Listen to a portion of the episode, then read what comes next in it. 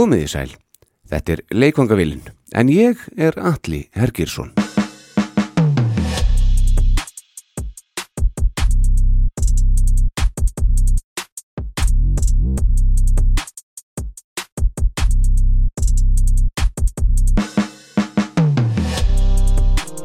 Frábæri lög sem ekki völdust til að vera smáskifur er umræðuefni dagsins. Oft blasir það hreinlega við hvaða lög eru líkleg til vinselda af væntalögum breyðskifum og valið þaralegandi borleikendi.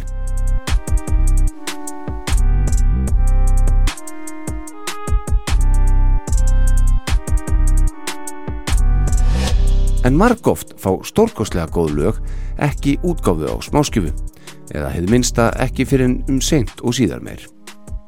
Í þessum fyrsta þætti af annari þáttaröð af Jónsmessu förum við Jón yfir velvalinn dæmi og veldu því fyrir okkur hvers vegna nokkur lög urðu ekki smáskifa.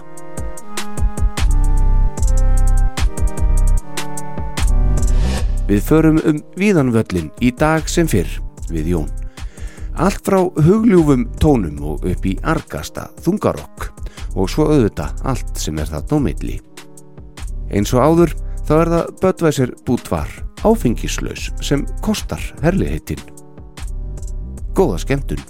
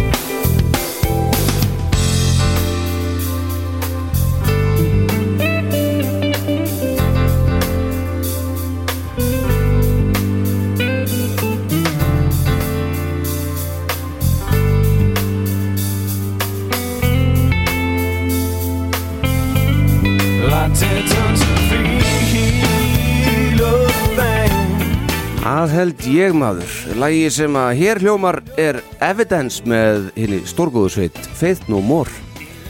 Þeir eru mitt uh, gáfu út þá gegguðu plötu King for a Day, Fool for a Lifetime árið 1995 en það var þeirra fymta hljóðversplata.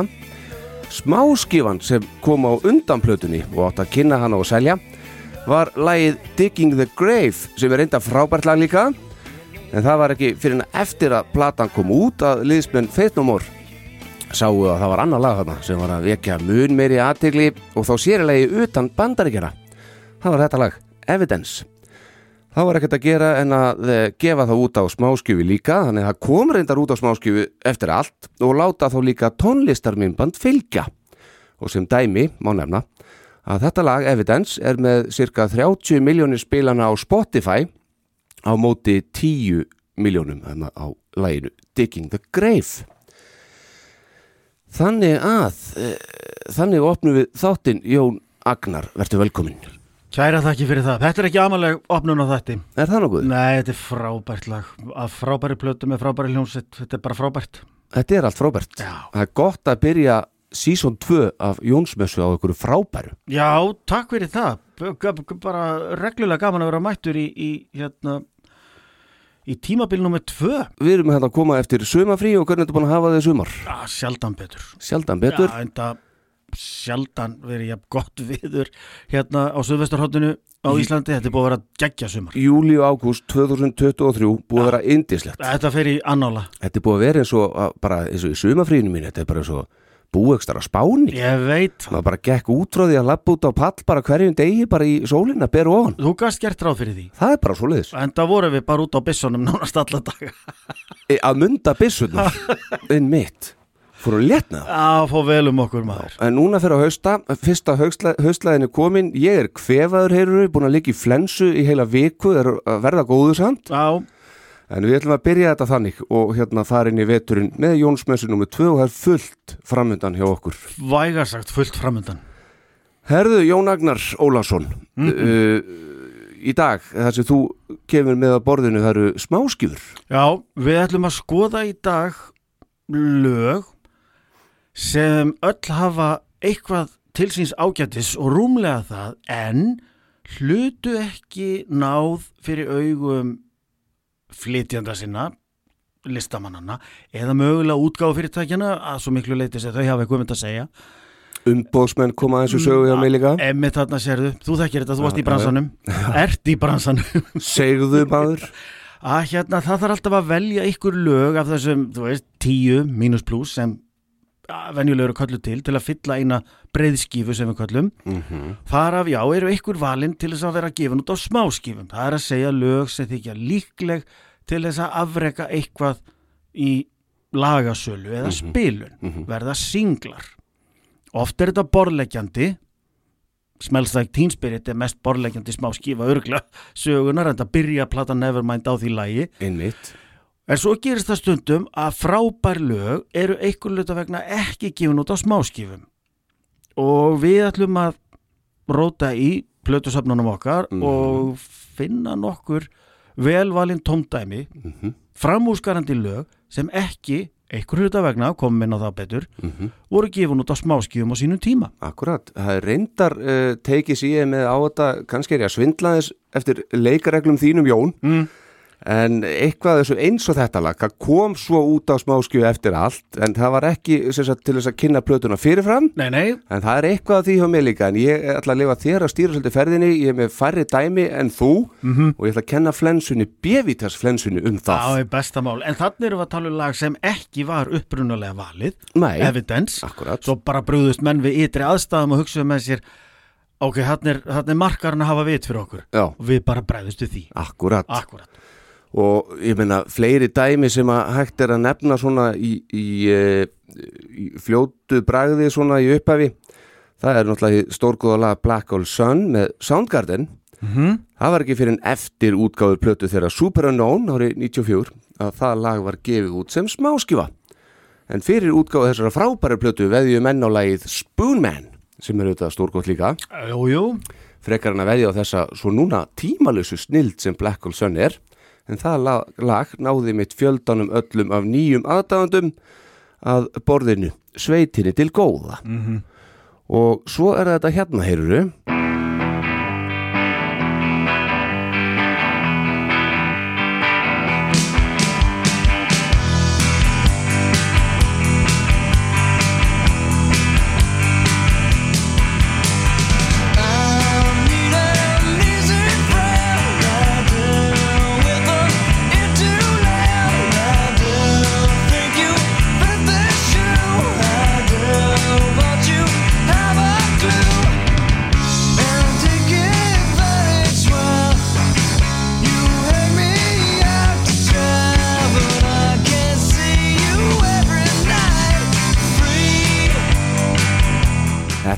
þekkir nánast hvert mannspann myndi ég segja, svo Já, þannig.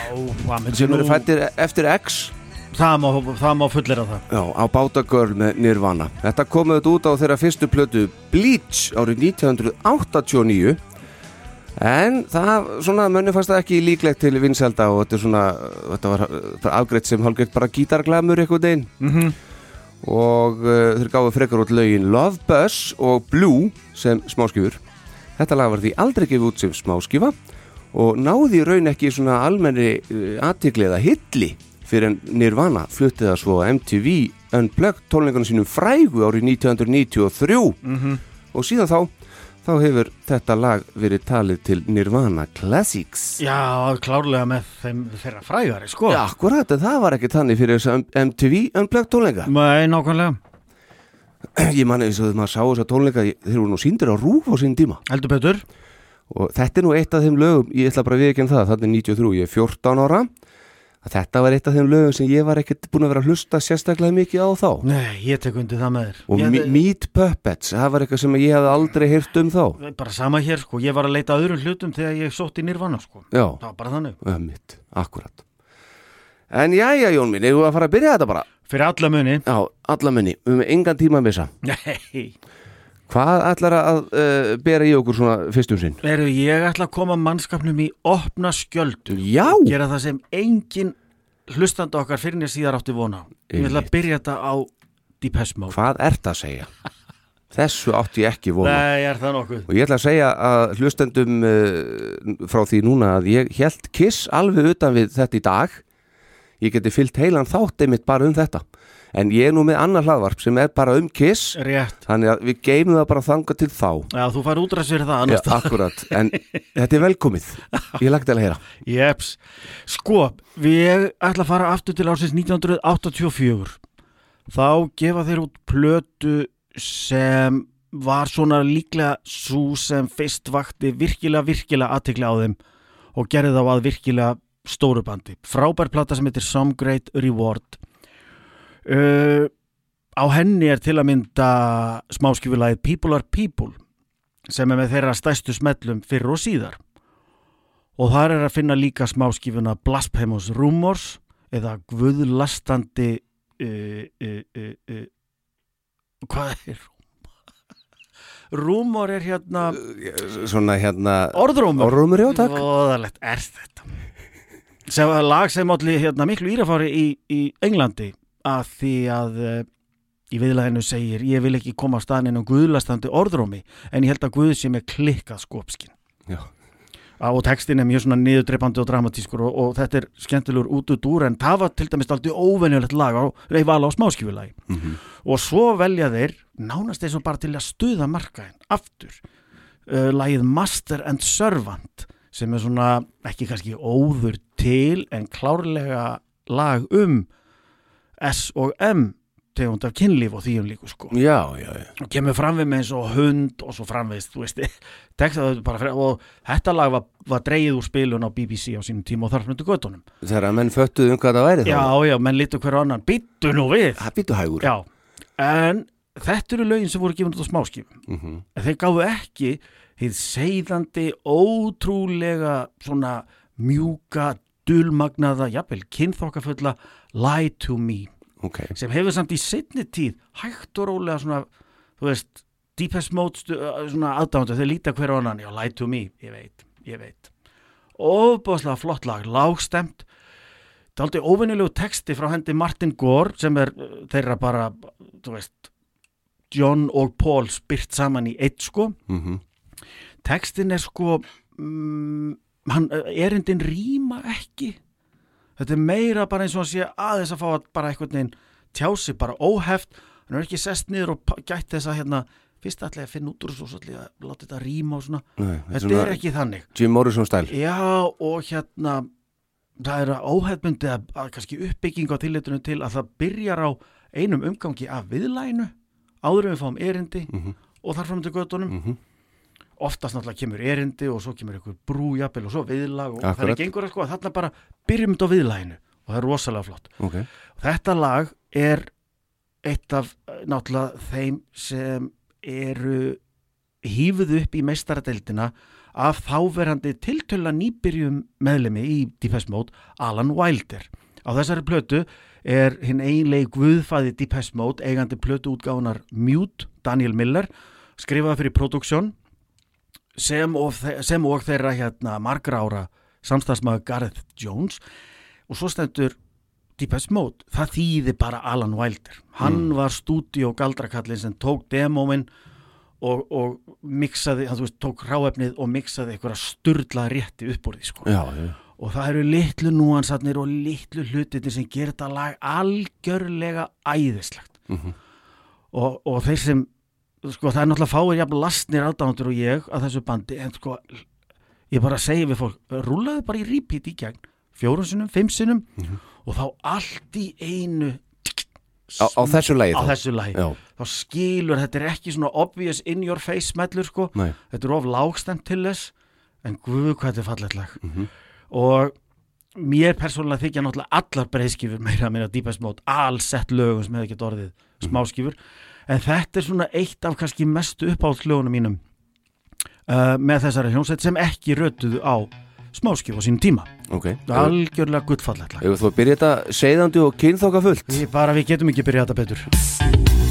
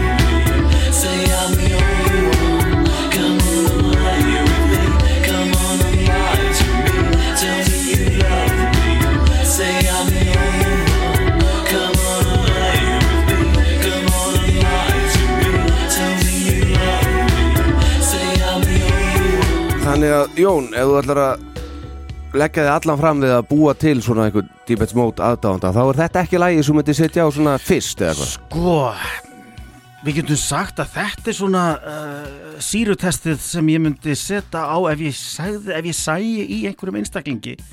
Hér er allt til alls, skinja ég, til þess að grafa upp eða móta eða finna undir skelinni alvöru típast móta aðdánda. mm Ég myndi að láta hann hlusta á þetta tvisa þrís og, og svo myndi ég spyrja hann. Og? Og ef hann segði já, já, þá bara já, já, fínt. En ef hann segði, þetta býttu, þetta er keðveikt lag.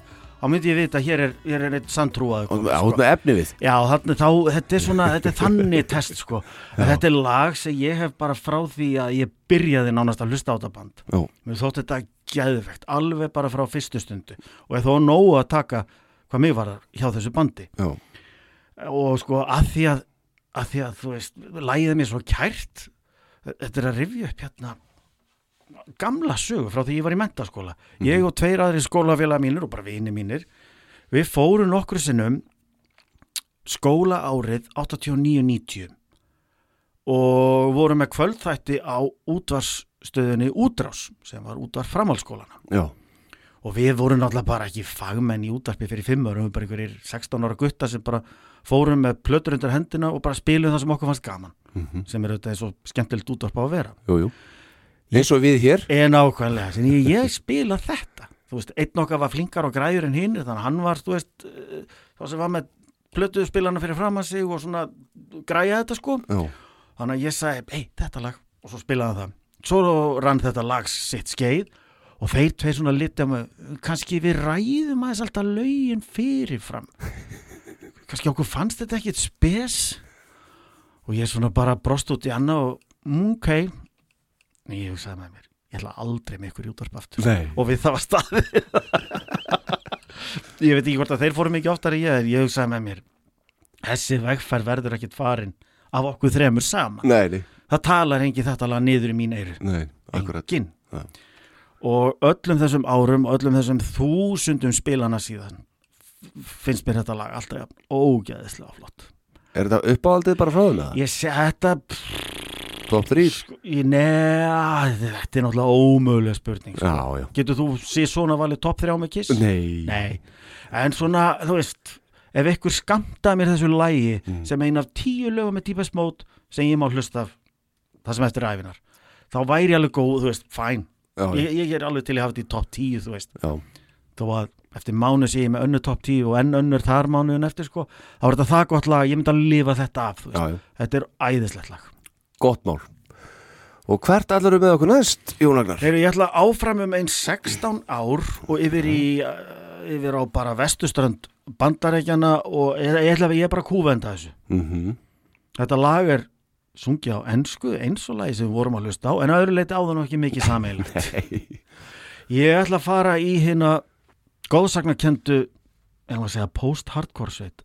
Mm. At the Drive-In. Mm Þetta er hljónsett sem tók mig alveg smá tíma svona skil, eða ná, skulum við segja. Og voru allir að gera í buksutnar yfir þeim í kringum árið 2000 sér í lagi, þú veist, þegar að Relationship of Command kemur út. -hmm. Það er allir að segja bara þetta er geðvægt Já. Og ég var alveg á kafi í hörður okki þannig að ég hlustaði á þetta og svona já, ég skil en ég skil samt ekki alveg. Ég var bara að setja með þetta sko. Já, já. Og svo þetta bara koma að því að bara já, nú skil ég þetta. Og þetta er bara auðvitað störlu plata Mhm. algjörlega eina mínum uppáhaldsrockplötum hún er æðisleg. Og það komu þrjú lög út á smáskífu að þessari plötu. Það var hérna Rolodex Propaganda uh, One Armed Scissor og Invalid Litter Department. En ekki uppáhaldslægi mitt af plötunni. Lagi sem ég finnst bara flatt átt besta lagi af plötunni. Mhm. það er Mannequin Republic. Þetta hlusta ég bara á bara pff, rosalega reglulega. Ok. bara stundum bara, er þið nú handa með smá svona. Þannig að ég hlusta á þetta lag síðan bara fyrir viku eða eitthvað, ég er að hlusta á þetta rosalega reglulega, þetta ber hefur, hefur til að bera eiginlega allan sjarman við At the Drive-in Mhm. Cedric Bixler Savala er náttúrulega algjörlega ekki hægt, söngvari sko bæði eins og við heyrum með þessu bandi og þetta líka Mars Volta Mhm.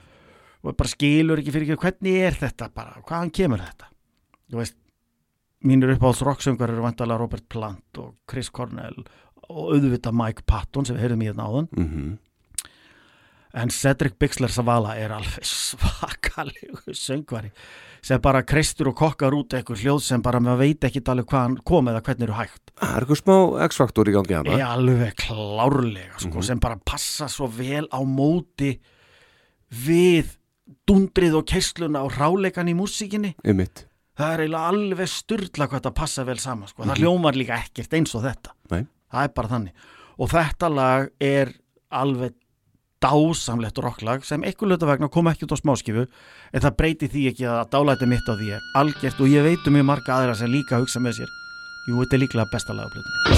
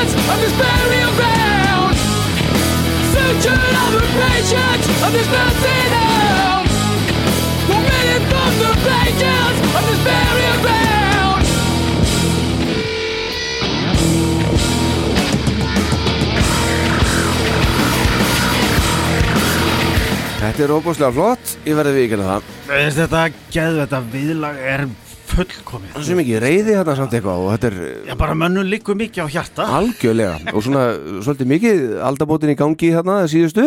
Já, og bara já, ég hérna eins og ég var að segja hérna fyrir upptökur, ég, ég hitti þá. Já, mér finnst það ógeðislega cool og við allir, við, hérna, bandið sem ég var í við vorum að spila hérna í New York uh, í november 1999 þá vorum við, fórum við einna okkur fóru á tónleika með þeim einhvern veginn í minningunni var alltaf einhverju útgáfu það var greinilega ekki þannig. En að því að þeir gáðu plötu 98 og svo þessar 2000 en við vorum hérna í 99 Ok, þannig að þeir voru allan með tónleika. Svo fórum við og, og, og fengum að hitta þá hérna eftir og, og spjöllum að við og gripum í spaðan á þeim og svona. Það er mjög cool sérilagi þegar haftur í, hug, eh, hérna, þegar haftur í huga að sko í kjölfæra á þessari plötu þá glíðnar þetta band í sundur. Já, já, bæði að því þú veist eins og þeir sögðu sjálfur við erum búin að vera að túra endalöst við erum uppgefnir drep leiði hverju á öðrum. Mhm. og svo voru við las ég eitthvað staðar hérna Cedric Bixler Zavala söngvari og Omar Rodríguez López gítarleikari. Mhm. þeir voru að bryðja eitthvað eitur á þessum tíma. Já og svo neistla að var ekki að fara íkja vel í hinna meðlimina þannig að þeir hérna sögðu skili hverju annan þeir tvímenningarnir, eitur bryðjararnir Mhm. fóru alltaf að stopnu Mars Volta. Mhm. hinir fóru að stopnu Spörtu. Aha, sem vel að merkja spila á Airwaves já, já, eins og þú hefur gert oftar en eins já, já, Ó, já.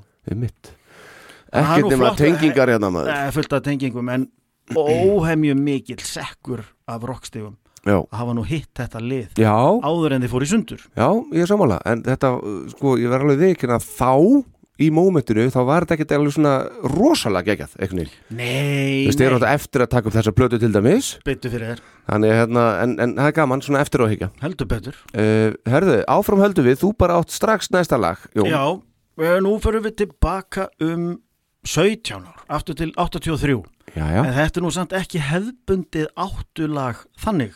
Nei.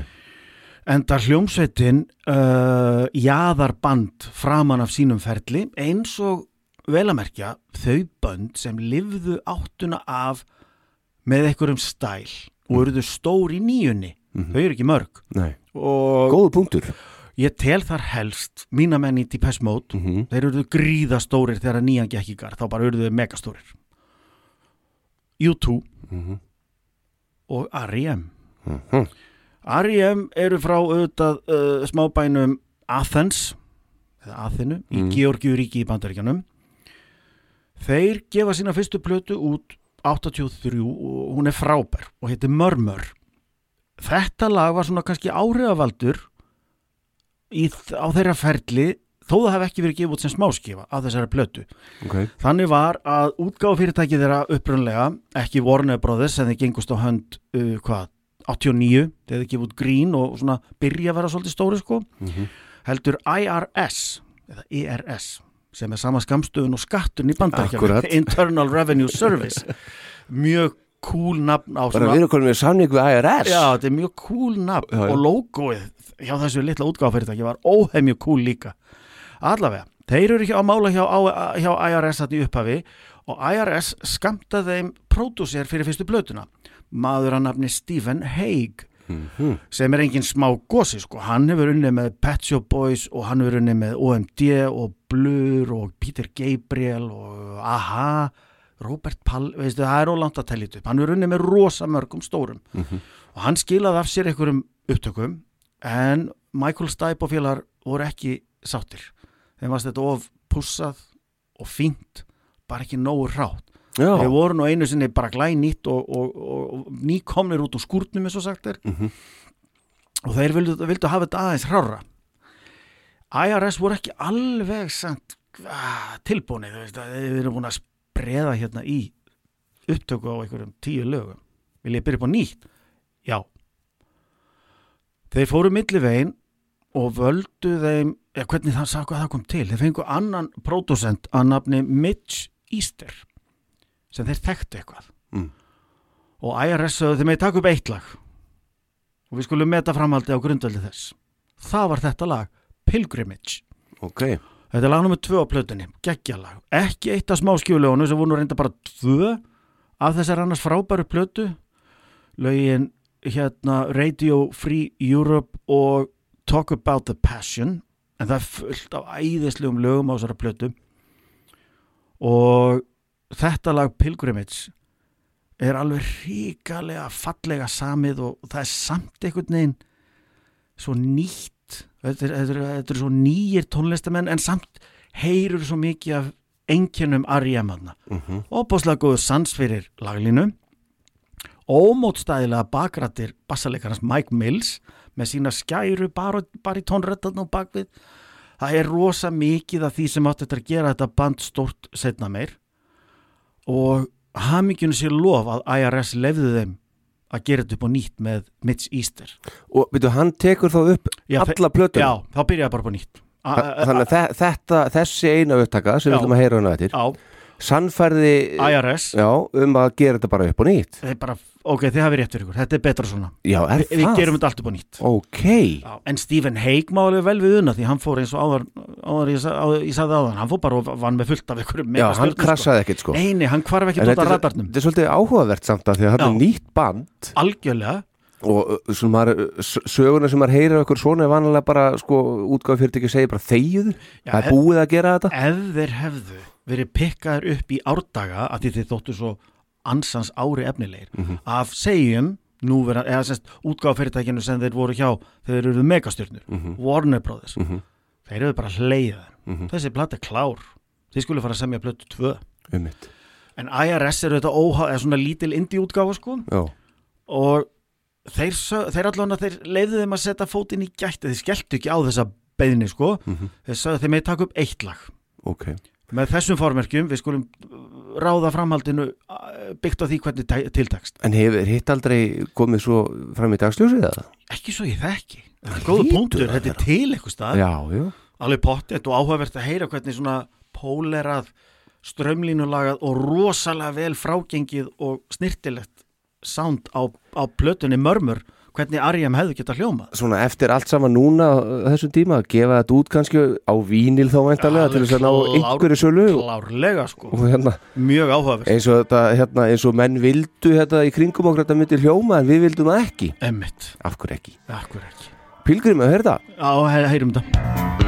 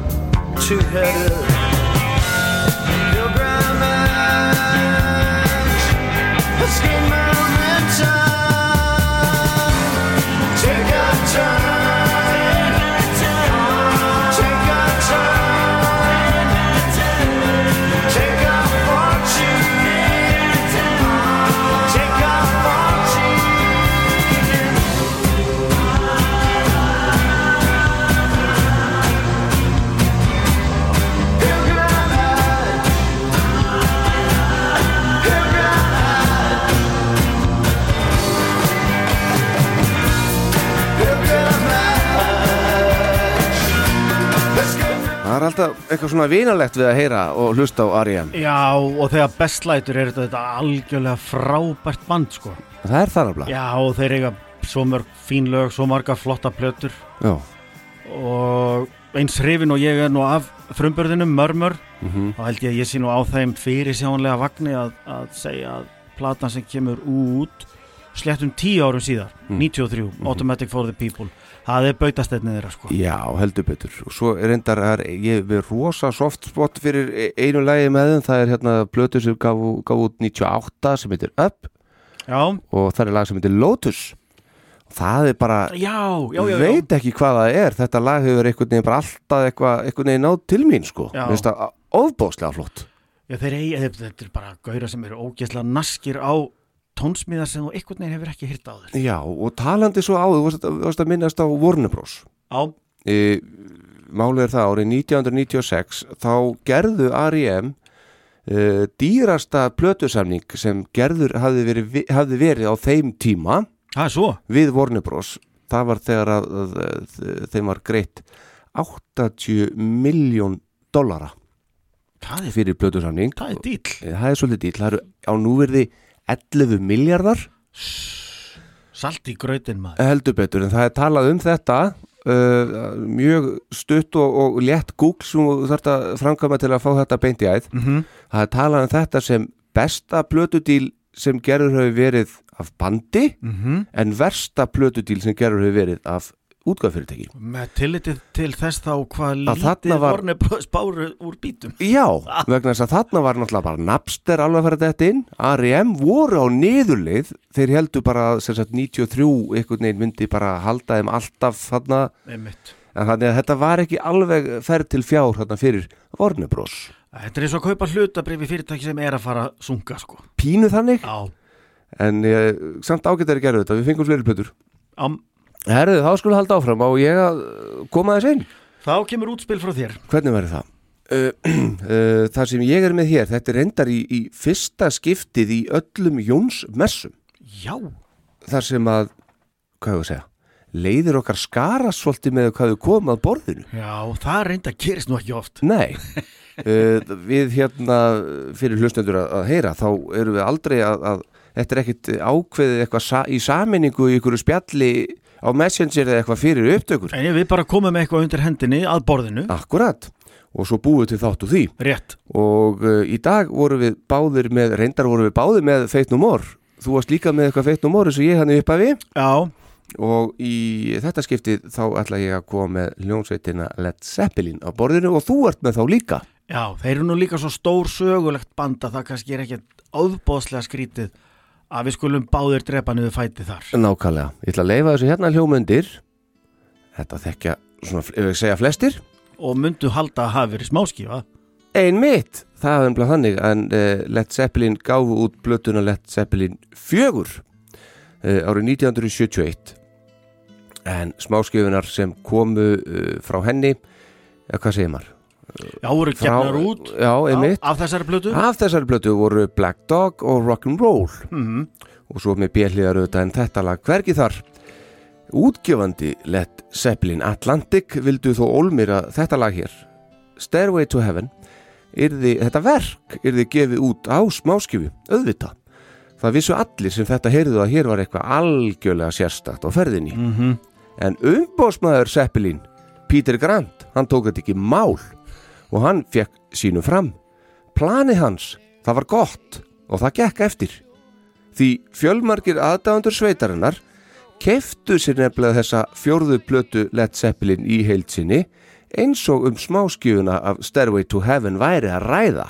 Ka-ching! ah, sem þeir hefðu ekki gert hefðu þeir geta keft singulin einan og sér. Akkurat, salan var því gífurleg og fór nánast allstaðar í platinum sölu og vanalega markvalda sér hvers virðið góður umbi Ná, góður umbi. Og rosalegur umbi. Og má þar nefna til dæmis að uh, þessi plata fór í sexfalda platinum sölu í uh, heimalandinu nýfalda platinum sölu í Ástralíu og halduðu nú 24 falda er þetta rétt beitt? uh, 24 falda 24 falda á, platinum sölu í bandaríkjánum á 24 falda Og gættu líka því að þeir eru ekkert að sko skrýða út úr þryggja ára dvöl í einhverju sveitasetri til að koma með meistarverki. Þeir eru að gefa út fjórðu plötuna Akkúrat. á þremur ári. Akkurat. Því að ef við tökum smá Zeppelin 2 Mm. þá var það eh, Zeppelin 2 sem kom út þarna 69 Á, í oktober 69 uh, Þar eh, var smáskifan sem uh, kynnti þá blötu var Love heldur betur. kemur ekkert á óvart endilega en annar lag sem að hefði geta verið smáskifa var ekki, var Ramble On Sem er ekki síður síkill lag. reyndar er það lag tekið af ríkalega sterkri rockblötu verði ég að segja Mm -hmm. af því að flest lögin þarna áttu góðan séns uh, enda var þetta platan uh, Led Zeppelin 2 sem tók fyrsta sætið af Abbey Road Beatlana á vinsættalistum bandaríkjana Hugsa sér. en svo er einn klikkustarind Zeppelin, þetta las ég hið minsta Mm þeir voru reyndar ekkert mikið í því að senda frá sér smáskjúfur Nei, þetta, í, er nefnilega staðarinn. já, Já. af því að þeir sendu aðeins tíu slíkar frá sér á árunum 69 til 79 tíu, Eina á ári. um mitt Og þegar horfir á katalógið þeirra, já, þetta hefði getur verið 50 smáskjöfur. eðlilega, bara Auðveldlega. ekki spurning Æ, þú horfir á fyrstu, fyrstu bara til að byrja með að við tölum um fjóra plötur og þreymur árum. já, Led Zeppelin kemur út snemmárs 69. mhm, Led Zeppelin 2 síðlárs 69. já, Þristurinn kemur út 70, fjarkin 71. akkurat Þetta veður allt í einhverju stórsnild og eru allstaðar hyggstalust. já, Flokkar sem síkjald á rockplötur og áfram halda náttúrulega með Houses of the Holy 73 og svo fram við Physical Graffiti og veist, við- þetta, þetta output er náttúrulega ekki eðlilegt. ótrúlegt og að því að þú talar um áðan augljósar smáskjúfur og nefnduru Smiles Teen Spirit og Nirvana Mm -hmm. við getum nefnt líka sem er staðrind þegar að Rage Against the Machine sendi frá sér Killing a Name á sér smáskjúfu Á, þannig að þetta er svona eiginlega dead on smáskjúfa heldur betur. en var það ekki og plani gekk upp og þetta er hins vegar eh, loka lagið á allið á þessar plötu Mm -hmm. indislegt, við heldur verðum að heyra smá af þessu Fáum smá.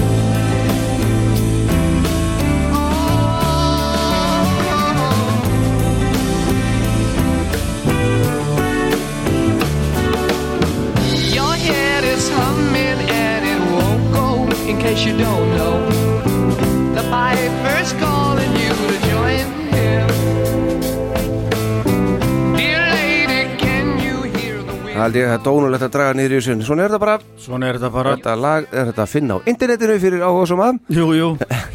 en sko, svo er það bara með langar að minnast á það bara ef, ef það er einhver eitt þarna úti Ám. sem hefur ekki séð þetta eða heyrt Ám. þá er bara tilgangnum náð að ég skuli minnast á þetta á YouTube Mhm. er þetta að finna upptöku þegar að sveitin Hart tók þetta lag Já, ég sé þetta.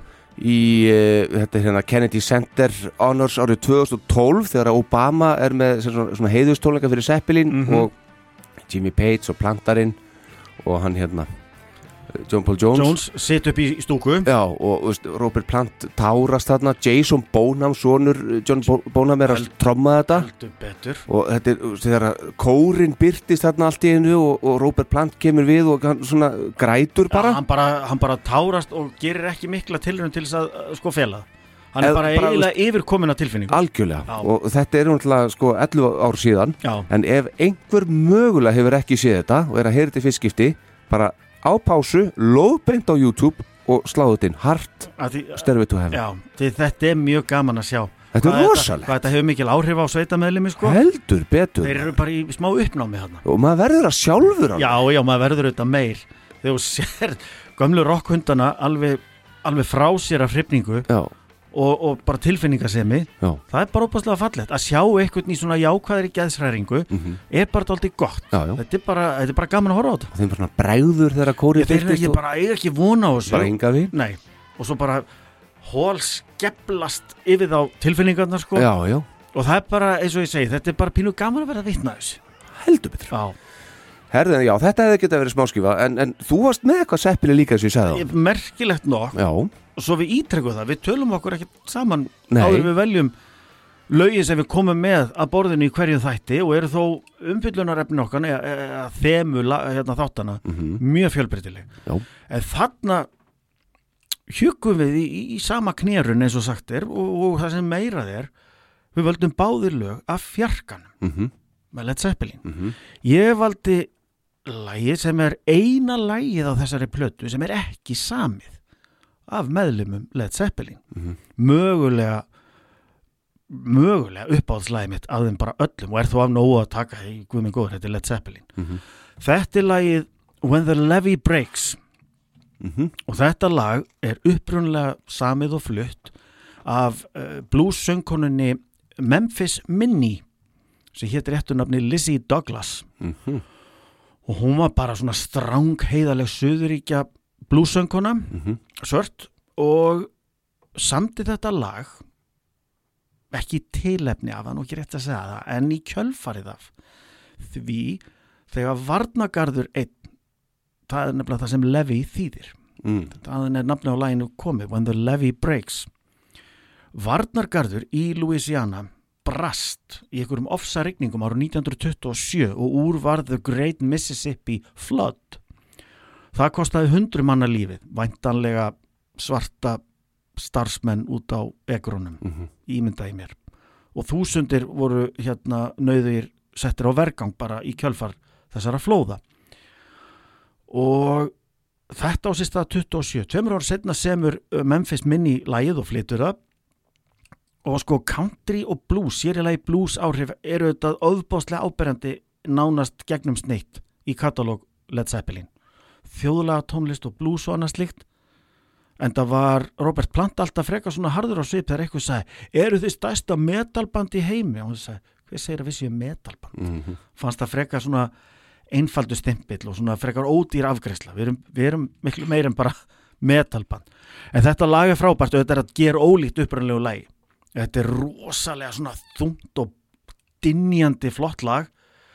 Og trommutakturinn hans John Bonham er einn sá trommutaktur sem hvað oftast hefur verið samplaður í dægur tónlistasögunni Já. Það er ekki víst að allir kveikja á því en þetta er bítið í læginu Army of Me með Björk. Mm. þetta það bara, það skráð bara sem sampl Ok. Beastie Boys hafa samplað þetta Ice-T, enska popsveitin Saint Etienne e, Shoegaze sveitin Chapter House sem við komum nú lítilega inn á Mhm. í, í skóglápstættunum okkar. Akkurat í læginu Pearl sem við spilum vel að merkja þá. Já, já.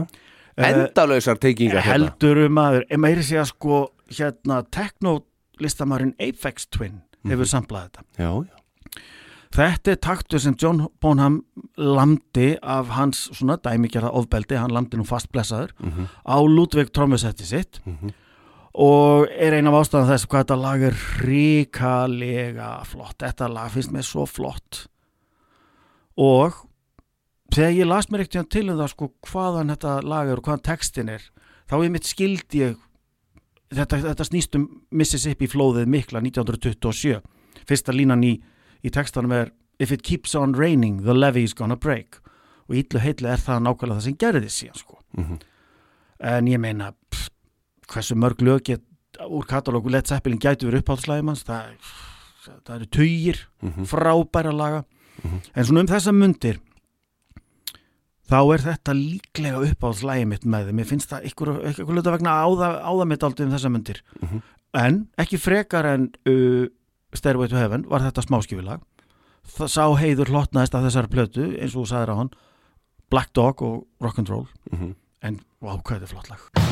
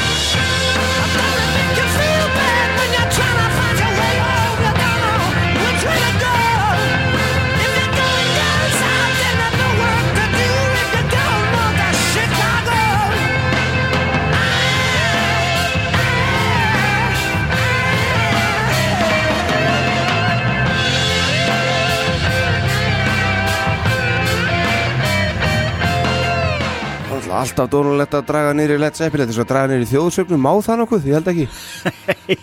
Einhvers þar sá ég það. En uh, þetta er ógeðslega flott. Ógæðslega Talandi um að vera með X-faktor maður. Sko, Það er að frétta þetta eru kornungir guttar. Já, að gefa út sína fjórðu sko, plötu, Já. sitt fjórða mistaraverk já. á þremur árum. Mm. mér, sko, mér finnst alltaf á fjarkanum fyrst þá eru er, þessi fjórmenningar þessar góðsagnir komnir í sitt algjörlega komnir í sitt element. Já, já, þeir eru ungir á fyrstu plötunum einhvern veginn og þeir eru tilruna svolítið tilrunagjarnir á þristinum. Og það eru þetta Ísla, frábæra Íslandslag. Immigrant Song og þetta er allt skemmtilegt. Já. En fjarkin þetta þetta eru bara early 20s dúttar Mhm. en þeir eru fullmótaðir það er svo mikið svag og svo mikið sjálfströst í söngnum hjá Robert Plant Mhm. Jimmy Page er bara kongur hann semur þetta allt og hann, hann er pródúserinn á þessar plötu Einmitt. hann er bara kongurinn og hann veit, þú veist, ég með ógeðslega flinka hljóðfæraleikara í, í hérna John Paul Jones Mhm. sem er að mörg að mínu viti vanmetinn bassaleikari Já að því hinn eru allir, þú veist, Bonham er legendary En trommuleikari hver er að hann? Ég, Æ, mér finnst bara eins og hann sé ekki nógu Bara ekki mikið umræðunni, Nei, nákvæmlega. já, já, já. En ég meina að þeir sem vita, vita og enginn sem veitir að að hann var aldrei spes Þetta er bara, ég aldrei nei. Já, mér finnst bara hann ætti að vera ennþá já, starra Þetta band er bara svo óbóðslega komið á sinn stall þarna sko. Og mm, já, ég, þú veist, ég ætla að segja þetta er líklega uppáðsplata mín þá fór ég að hugsa, nei, physical graffiti þetta er geðveikt, já, svo þykir mér svo mikið á tvistinum geðveikt og bara glemdu hugmynd, þetta er ekki hægt en bói og bói hvað mér finnst þetta þetta er bara Þetta er mjög töff. rakin gæsa Svo töff. ógæslega töff Nákvæmlega. og þessi menn meina þetta og þeim er alvara og þeir bara skila þessu svo flott af sér Mhm. að gæsa húðin er eiginlega bara óumflýjanleg Einmitt. Úr Seppelin hodni dagsins Já. Hvað hérna hva, hva, Hvert viltu fara næst? ég ætla að hendast til Skotlands? Já, Já, nei, Nei, nei. Þarna hljópi á mig, Þarna. Írland maður, Já, já. Írland drengur. Hm, næsti bær? Já, þetta er samt bleppalegt, ég byrst forlóts Hér eru við komnir með skemmtilegt band sem heitir Simple Minds. Mhm. Þeir urðu gríðastórir árið 84 því þá áttu þeir lagið Don't You einhansvega Forget About Me sem var í unglinga smellnum Breakfast Club. Mhm. svona eiginlegt titillag gríðalega vinsæl mynd, ógeðslega flott lag. Mhm. þeir eru svaka stórir. Árið 85, árið síðan þá gefaður út plötuna Once Upon a Time og verður alveg svaka svaka stórir. Mhm. þetta var svona þeirra Joshua Tree plata getur við sagt. Ok. en mér finnst skemmtilegasta stöffið þeirra aðeins áður en þeir supermeika það. Ok, þeir gefa út plötu sem fekk svaka fína viðtökur, það vantaði ekki árið 1982 hún heiti New Gold Dream og svo innan svega 81, 82, 83, 84 þessi plata er full af frábærri músík. Þetta er svona dýrasta típan af early 80s elektró skotinni svona nýromantík ógeðslega töff tónlist. Og þetta er plata sem fer upp í efstu hillu þessa tímabils með Dare með Human League til að mynda Architecture and Morality með OMD uh, pff, Some Great Reward með T-Bass Mode sem við komum inn á áðan. Þetta er frábæð plata. Gat af sér tvær smáskífur. Uh, Promised You a Miracle sem var þekktu smellur og Someone Somewhere in the Summertime. En ekki titillægið.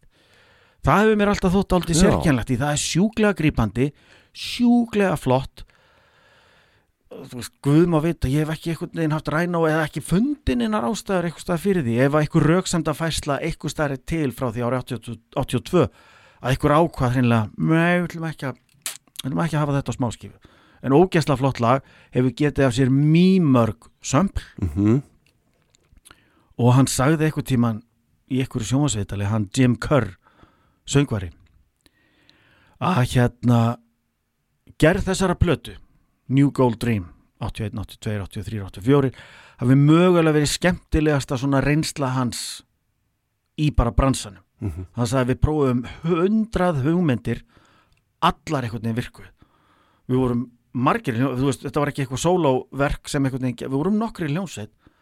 Allt sem einhver kom með allir henni náðu því og við náðum að vinna úr því eitthvað sem skilaði eitthvað merkilu og þú veist, það er ekki oft á æfinni sem þú ert í eitthvað skonar skapandi ferli í samstarfi aðra og allt gengur upp Mhm. og þetta var bara dásalegu tími og þú veist, þeir eru, þetta eru multiplatinum hérna, sölumenn í músík og það allt saman, en hann leiti um öxl sem, sem sagt, á aðdraðanda útgáfu plötunar New Gold Dream, sem líklega þann skemmtilegasta Já, á sínum svona ferli Mhm. svakalega einhvern veginn töff tónlist og kannski er ég svona hrifin að síða það að því að svona raftónlistavingillin er, er sérstaklega áberendi þarna. Áður að verða svona innan gæslega hefðbundnara popband sko. Mhm. það var alltaf hljómbásleikar í þessu bandi. En þeir voru bara svo djúfulli töff elektróniskir þarna Ok. árið 82 og Promised a Miracle er djúfulli flott lag. Og platan í, í heild er rosalega flott. En þetta er nú samt sem aður uppáðslæði mitt af þessar blödu þó að ekki koma út á smáskifu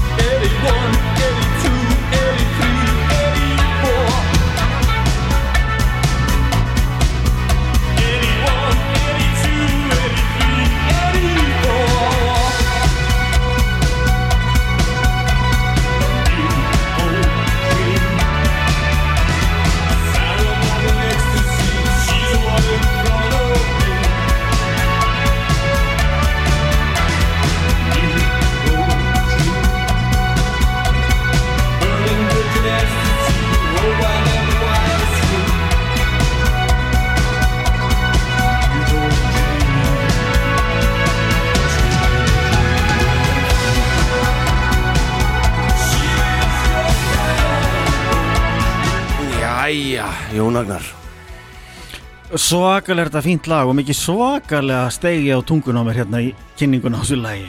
Ég sagði írst, nei ég meina skost nei meina skost, þetta er skost band, sannarlega ekki írst. Þetta var alveg ferlegt, það var bara það að því laust nýri kollin á mér Mhm. þegar ég var að segja frá þessu að þeir áttu þarna frábært lag. Var það 91 eða 2 sem heitir Belfast Child? Ég, og þá voru undir bara, "Ugh, þeir hljóta að vera í og þú veist, já, já. vitleysins gangur er þetta. Það breytir því ekki að þetta er frábært lag. Plata New Gold Dream frá 82 er stórkostleg og hvað ég er að fjasa í þennan hljóðnema breytir engu þarum Nei, nei, og þeir sem að uh, sögðu áðan upp átt hálfvitiðin já, já, ekki fyrsta Já, skipti. það er búið að leiðri þetta, þetta. að leira þetta. Svona gerist bara. Já, já, já, já. Allt í góðu með það. frábæri skotar og allt í besta Herðu, þá höldum við áfram yes sir Og hvað ertu með næst Heyrðu, maður? ég ætla að bæta fyrir þessa miskjörði mínar Já. með því að fara bara í ekta írskan listamann Já, þú lofa því Já, það er bara best að ég svona rétti kursin Mhm.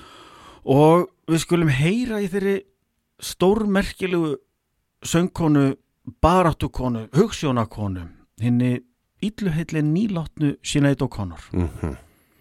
Og áður en lengra haldið, ertu búin að sjá heimildamyndina sem Rúf síndu um daginn? Já, ég horfði á hana nothing compares. Já, Þetta setur nú ofbóðslega mikið hennar feril í eitthvað skonar skilning og samengi já, já hjá manni. Heldur Þetta betur. hefur nú ekki alltaf verið meðbyrinn í bakið maður minn. Nei, nei, og hún líka var Vá. ekkit endilega að vinna í því þannig að hafa meðbyrjun Nei, í bakið Hún nei, var bara nei. með sína sín og sína svona réttlætis eh, sín eitthvað að, sko Sína logandi réttlætiskend, Já, einmitt engin afsláttur. e, Akkurat Eins og eitthvað sagði, djúðlega, þú búin að klúra ferlinum? Já, þú meina ferlinum sem þeir vildi ætti? Já, akkurat. Svo er þetta bara minn fyrirl Já, já, en grei, þú veist, sumir segðu, hei, hún bað nú pínu um þetta. Samt, sko, þú veist, holskeflan af einhverju, einhverju, Já, það er leiðilegt að- Hreinu hatri frá einhverju misvitrum vitleysingum, sko. Já, þegar hún reif myndina þarna af, af páfanum Og hvað? Já, Já, já, förum ekki út í þá nei, sama, nei en bara, Ég finnst finnst leiðilegt að það fá að klára þetta mér er samt leiðilegt að segja að hún hefði beðið um þetta hún, henn, henni bara, hún var bara með ákveðna sín og bara helt áfram já, já, og, og, og, og bara akkurat og, og menn- bað ekki um neitt Nei, bara nei. svona. Nei, en ég veit að fólk hefur sagt þetta sko, Já. en, en finnst það leiðilegu vingill Já, hann er það. Auðvitað býður enginn um annað eins og á ekki að þurfa að búast við því. Nei, Það er nú bara eins og það er. Mhm. Uh, að öðru. Hún gaf auðvitað út plötu sem hreinfallega sko sópaðist yfir allan heiminn eins og einhvers konar flóðbylgja árið 1990. Mhm. I do not want what I haven't got. Og sér í lagi varðu þetta því ofbóðslega fallega lag Nothing Compares to You svona kannski helst ástæða þess og platan er bara svaka fín og ég held að þú veist margir, það þekki allir lagið stó, stóra smellin hennar. Mhm. en það mættu fleiri held ég hlusta á þessa plötu í held því hún er bara svakalega flott. Mhm. og auðvitað margt með Sinead O'Connor svo, og svo því sé haldið til laga er alveg bara óbóðslega flott músík þannig að bara, þeir sem þekkja bara þetta lag ég, þeir eru helling inni. Heldur betur, jafnvel bara þessari plötu. Einmitt. En plata sem hún gaf út á undan 87, Lion of the Cobra. Mhm. frábær plata. Algjörlega. Pla- platan sem kom út á eftir, 92 Am I Not Your Girl, Mhm. fullt af frábærnulögum Læni Kóbra, hún hérna uh, rann í gegn hjá okkur hjónum þegar svona, eftir þegar hún lést og svona Mhm. bara þú veist, svona, ah, verður maður svona pínu miður sín eitthvað? Og, og hún svona rann í gegn hjá okkur lögum að spilast og hún er frábær bara sinni. vel tilfundið og frábær plata. Já, algjörlega. En lagið sem ég svona staldra ég man bara strax, ég, fekk, ég á ekki plötuna. I do not want what I haven't got. En ég fekk hann einhvers að lána það sem það reyndar meikar ekki sens í þess tilviki þegar þið langar auðvitað í þessar blötu ég byrja bara að vita sko. Ok, að hérna, ég fekk hann að lána því að þú veist, eins og öllum ég þótti Nothing Compares to You, opaslega flott lag. Og hugsaði með mér, þetta er þetta er eitthvað sem ég var til að hlusta meira á. Mhm. og strax bara lag nummer tvö gómaði mig bara þegar í stað. Í bara einfallega sínum. Mhm. af því þessi ofbáslega fallega rödd hennar fær svo svaka vel að njóta sín. Lagið er bara mjög svona hérna hrífandi og svona dálítið grípa, þú bara getur ekki annað að fara að kinka kolli með taktinum. Mhm. undir er bara tvítóna svona hérna synthesizer, sem sagt bara bassi. Og hún svo syngur hún bara af slíkri innlifun og tilfinningasemi að mann setur hljóðan þetta er 17. aldar írst svona þjóðkvæði hvers höfundur er alls óþek óþektur og hún gerir þetta svo vel að eins og svo oft áður einmitt, mann man svona setur pínu hljóðan hún náttúrulega var svo flottu flytjandi söng svo árenslu löst fæsluna frá fullkominni svona berskjöldun yfir í bara ofbóðslega ákveðna meiningu og sjálfströst Mhm. hún gæti bara byrst sig með mjög afgerandi hætti þegar henni svo síndist en þetta lag finnst mér einhvern veginn svona þetta er svo flottur rammi utan um þess að ofbóðslega fallegu rödd Já. Ég sá að póstar þessu lagi mitt á Facebookið Já, þegar að- þetta er bara, þetta er stórkostlegt lag Mhm. og svona eins og allir skilur þú veist, miljónasta dæmi um þetta bara sem, þú veist, maður uh, upplifir á æfinni, engi veit hvað átt hefur verið, mist hefur, Akkurat að það er svona aðeins mann, svona, þetta kemur dálítið vimma þegar listamenn sem hafa fyllt manni, þú veist, svona lengi er allt í einu bara ekki lengur til. Akkurat. Það er bara pínu svona hans, hans, og maður fyrir að leita aftur í músikinni og hlusta á hann og bara, vá, djöld þetta fín Hárið og þetta lag er ekki eitt af lögunum fjórum af plötunni sem urðu smáskifur sem var auðvitað áðurnemt Nothing Compares to You Three Babies Emperor's New Clothes og Jump in the River það breytir því samt ekki að I Am Stretched on Your Grave er upp á slæði mitt af þessar plötu og ég held bara með henni. Dráttur að þú veist hún gaf út mígrút af óbóðslega fallegum lögum. Mhm. en þetta finnst mér eitthvað svo cool og flott og samt svo eitthvað með brosti hjarta og berskjaldað og allt svo leis það vekur bara rosalega marg slungna tilfinninga hjá mér og hefur gert síðan ég heyrði þetta fyrst fyrir meira en 30 ára síðan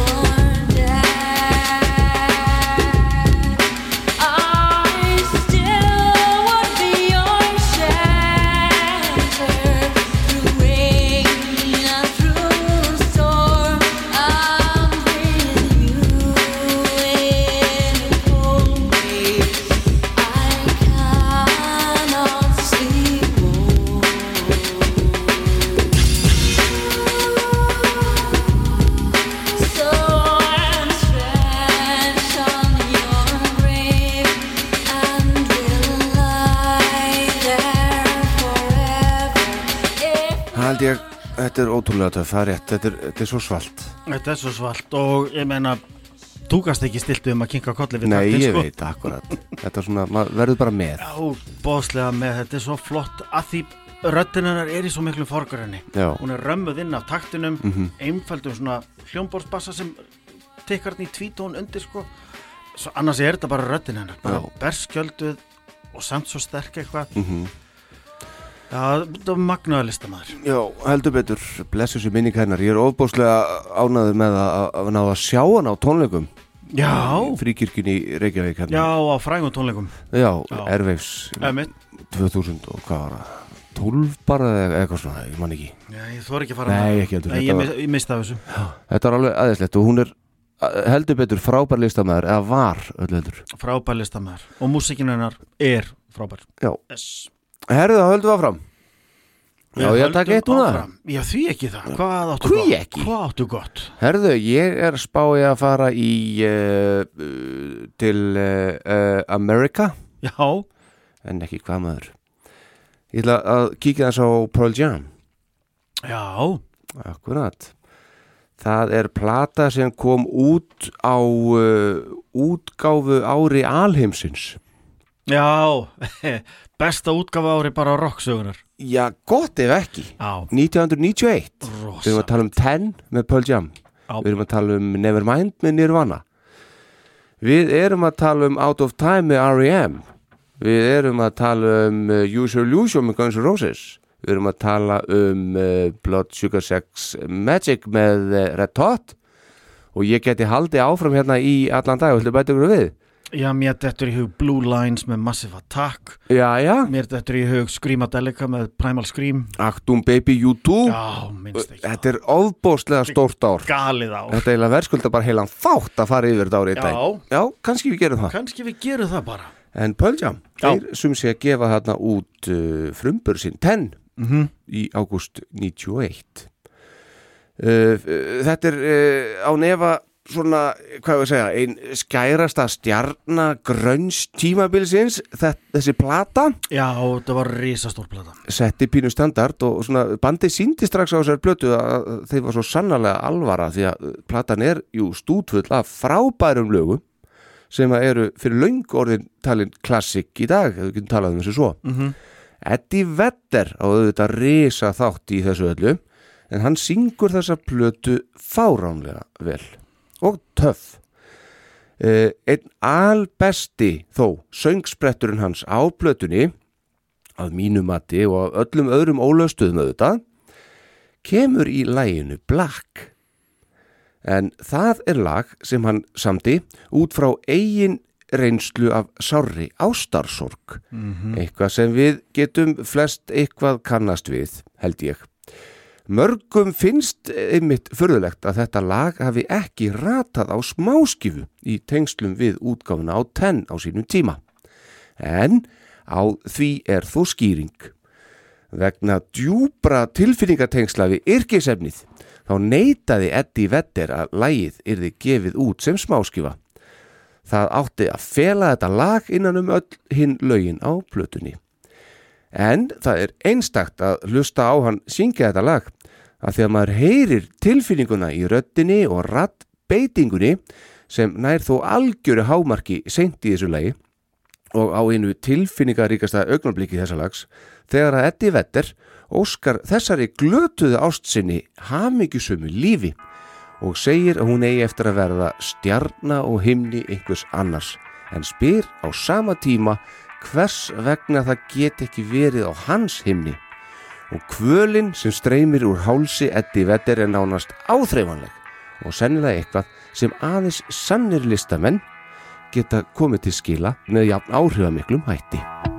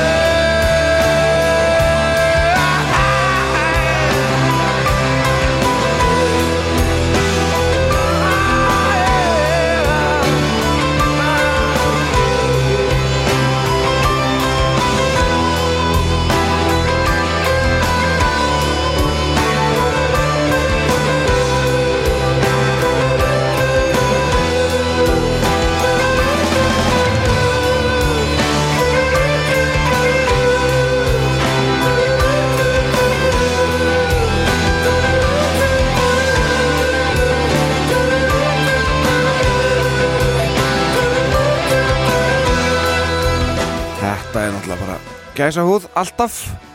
Þetta finnst mér svakalega flott. Þetta er líka bara líklega það lag það lag sem talaði best inn í tíðaranda ungs fólks snemma í nýjunni Mhm.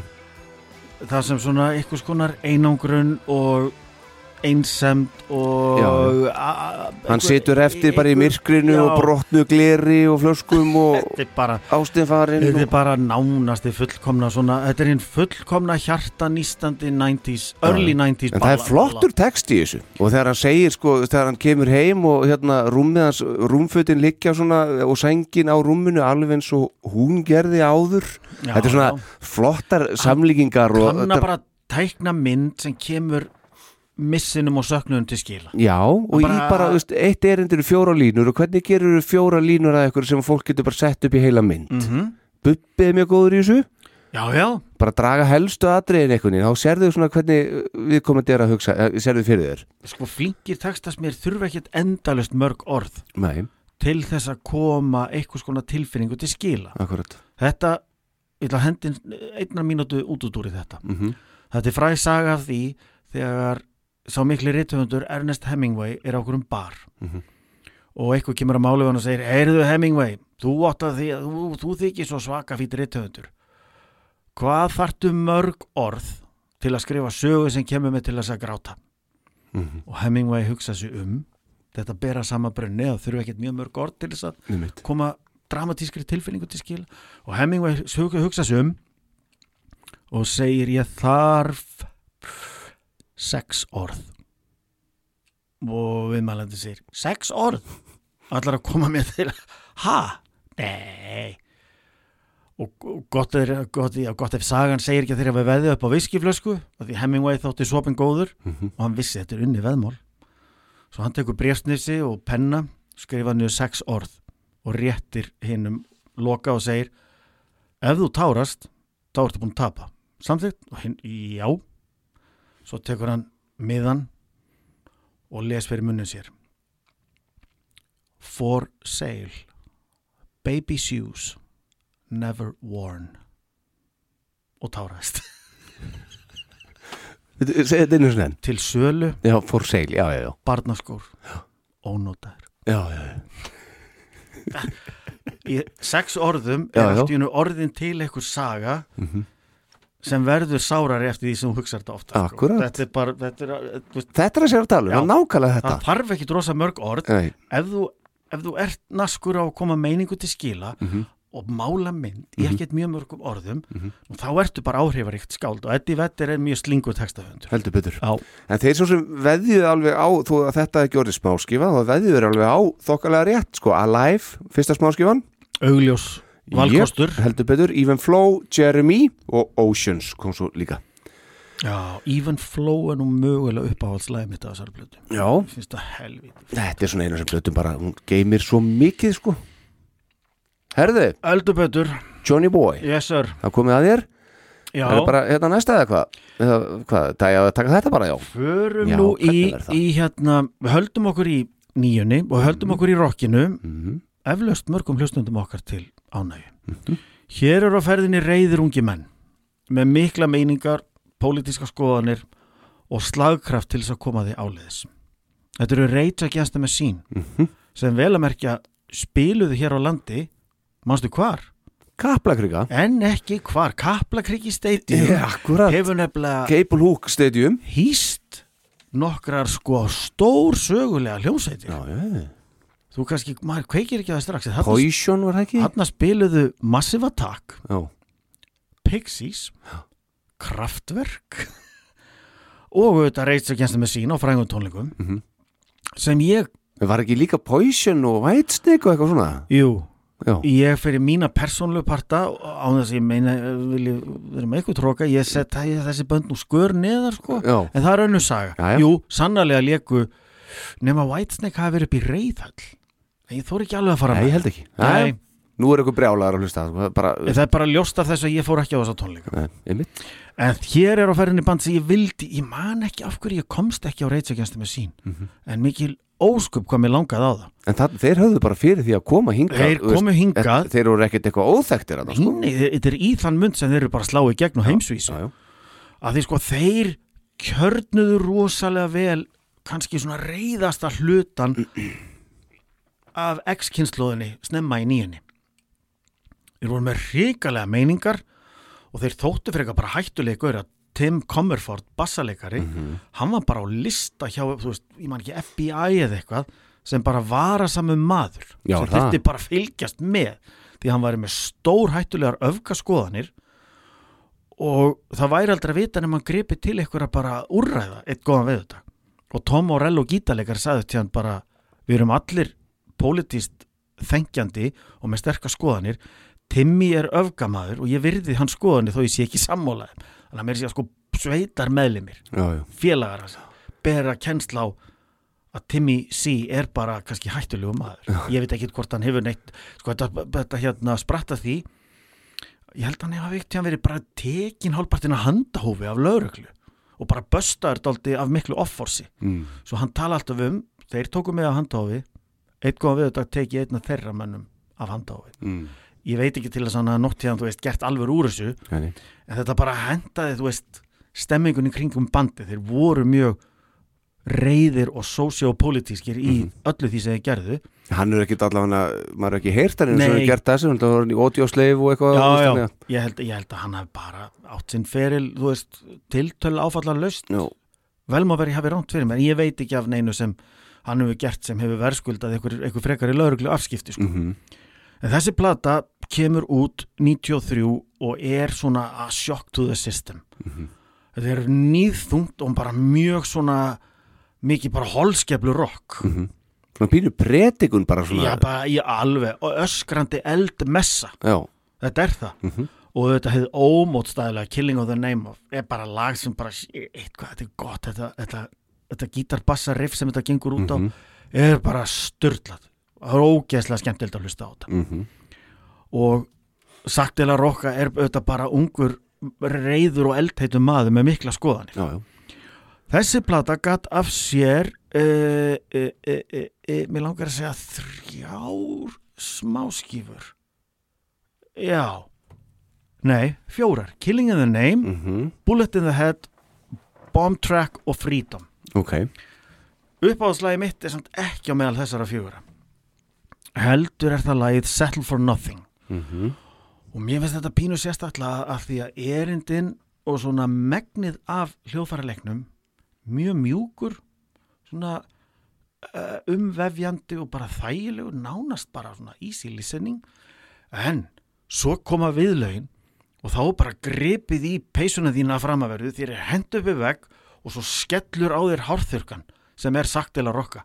Að bara koma sinni ofbóðslegu meiningu til skila um brotna fjölskyldu í einhverju samfélagslegu öngstræti þar sem þú ert í klemmu á milli sko menningar eða semst fólksins þíns, bakgrunnsins þíns og kerfisins. Mhm. og þóttu enga undankomi og Ok. ert bara í algjöru öngstræti og hann er brjálaður og þetta hefur svo mikið til að þetta lag. Brad Wilk spilar af mi- svo mikill festu skulum við segja á trámutnar Timmy C er náttúrulega bara sami bassa sko, ég veit ekki hvað hann var kallan, hvernig hann spilar. Og Tom Morello er bara eins og hann er. Hann á mjög Tom Morello-legt sóló í þessari- í þessu lagi. Já, já, þetta er einhvern veginn fyrir mér hið fullkomna reitsökjast með sílnag, mér finnst Ok. það æðislegt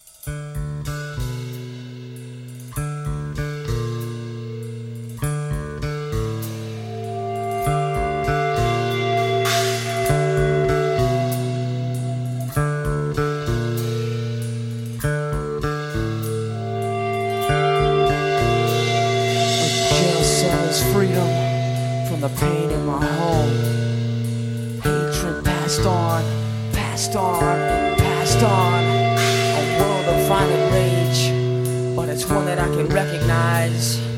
Having never seen the color of my father's eyes. Yes, I dwell in hell, but it's a hell that I can grip.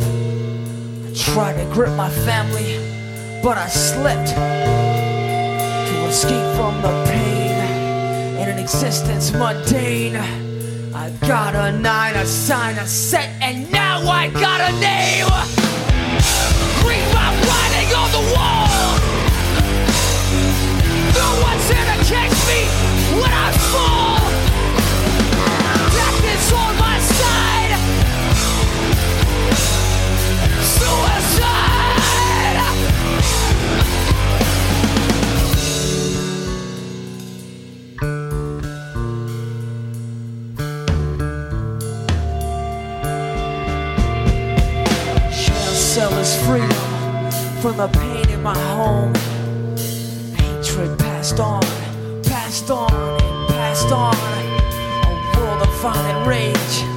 but it's one that I can recognize.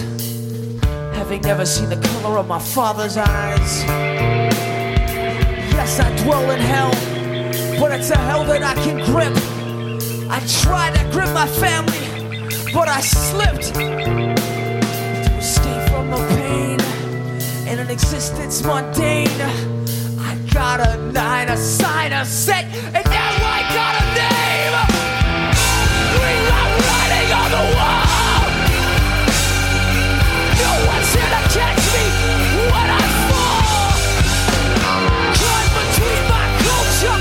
the system.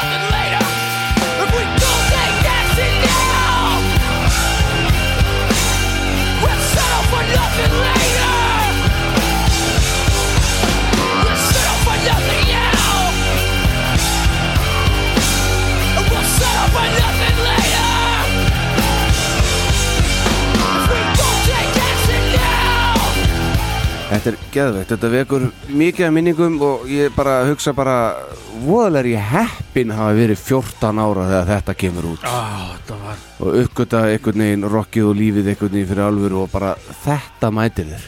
Já.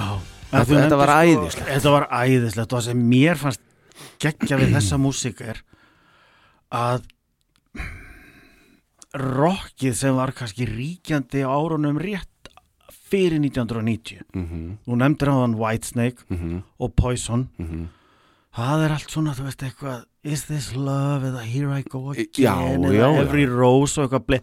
Þessi menn eru brjálæðir. Já, já, Þeir eru sko ekki að syngja um Is this love Þeir eru bara, ertu að grínast á í skallaði Þetta er, eru brjálæðir. Og ég held að sagt til að rokka hafi aldrei verið að breyður eins og í þessu lag Mhm. hann, er, hann er ekki bara reyður, hann er við það að bugast af tilfinningasemi því þessum manni er ekki sama. Nei, ekki frekar en hinnum félögum hans í bandinu sko. auðvitað og þetta riffarna í þessu viðlægi þetta er rosa. og sándið og bara þetta er, þetta er, þetta er ógeðslega flott. Ógeðslega flott. Ég ætla, þú bara, af því að þú komst með þetta lag á borðinu Mhm. þá ætla ég bara eftir þennan þátt hér þá ætla ég að fara að renna þessari plötu bara í gegn í heilsin, maður gerir allt á sjaldan. Ég veit það. Þetta er svona pínu eins og Nevermind að því að Smash Teen Spirit er hana og, og hérna sko Killing a Name er hana já, já, þá þá er platan setti liðar í heilsin einhvern veginn, bara að því nú langar mér nýrvan eitthvað að hlusta á smellslagt eh, aldrei, maður gerir það aldrei sko, Veist, Þú veist, akkurat. Þannig maður hérna, ég þarf að fara að taka þetta í gegn aftur. Já, það er, það er hérna rík ástæða til.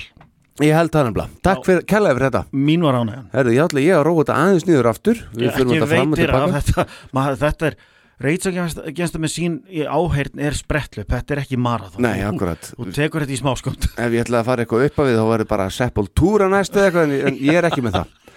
Ég, ég ætla að fara til Bredland segja ég, ég ætla að skoða aðeins David Bowie heitinn.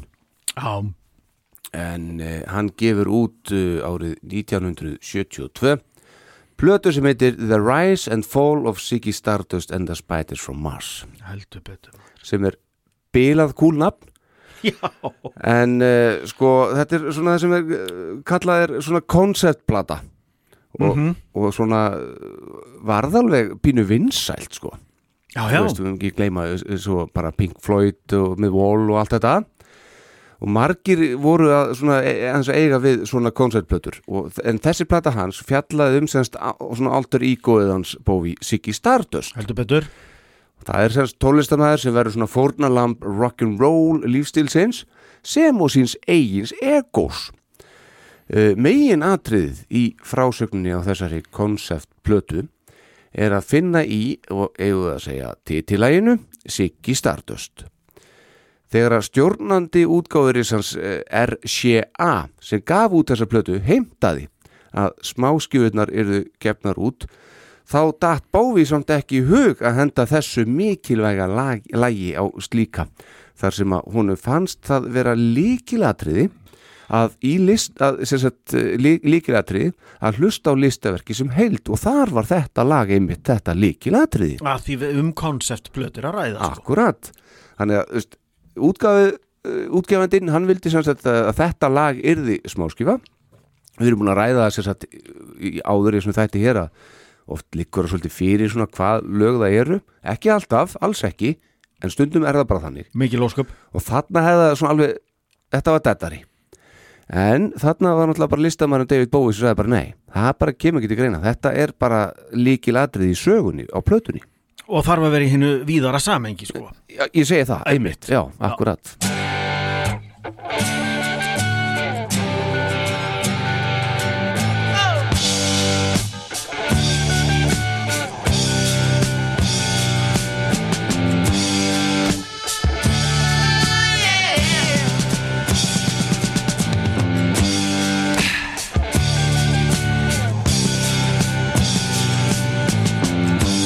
Ziggy played guitar, jamming good with Weird and Gilly and the spiders from Mars. He played it left hand, but made it too far. Became the special man. Then we were Ziggy's band. Ziggy really sang. Screwed up eyes and screw down hairdo like some cat from Japan. He could lick 'em by smiling, he could leave them to hang.